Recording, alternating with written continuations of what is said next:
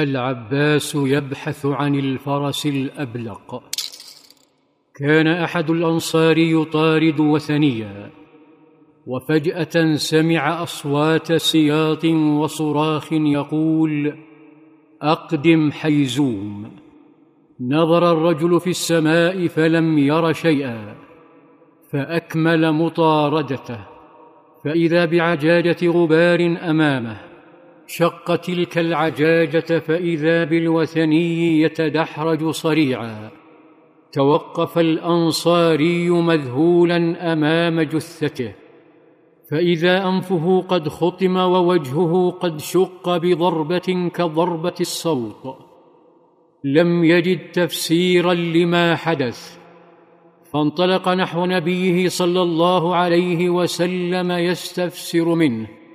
فقال صلى الله عليه وسلم صدقت ذلك من مدد السماء الثالثة وفي مكان آخر يسرع فارس قوي البنية بارع الجمال على فرس أبلق يسرع خلف العباس بن عبد المطلب الذي خرج مكرها هو ورجال عائلته.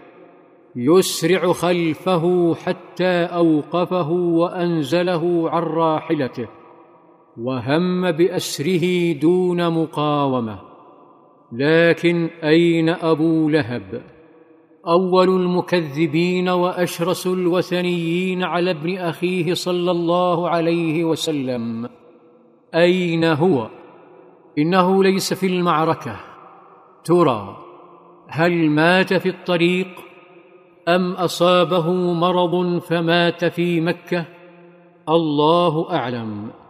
لا نملك خبرا صحيحا عن كيفية موته.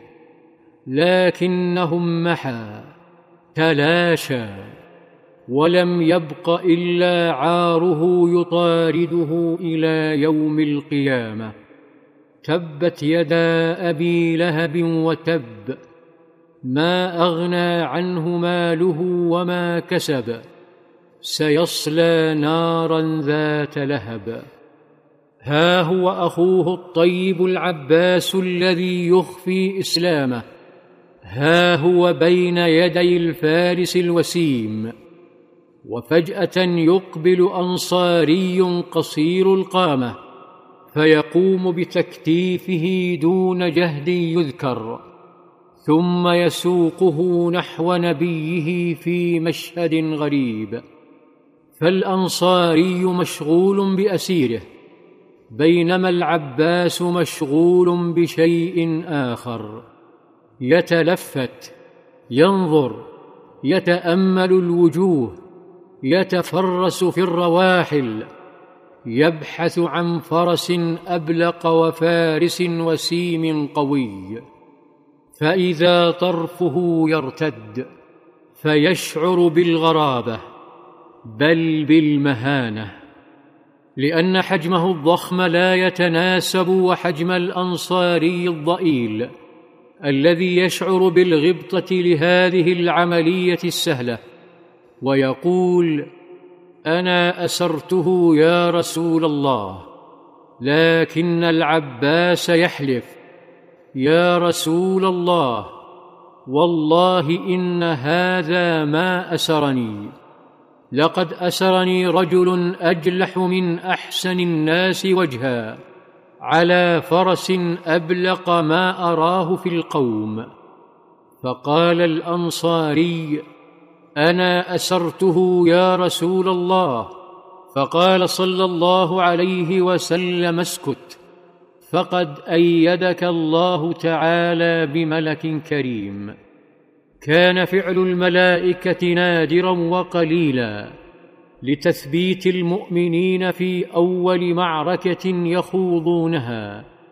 بينما كانت شجاعة الصحابة في حالة تنافس وها هي قريش تكر كرتها الأخيرة. فإذا بأشجع رجل في الجيش الإسلامي يتصدى وخلفه الصحابة. ترى من هو الأشجع على أرض بدر؟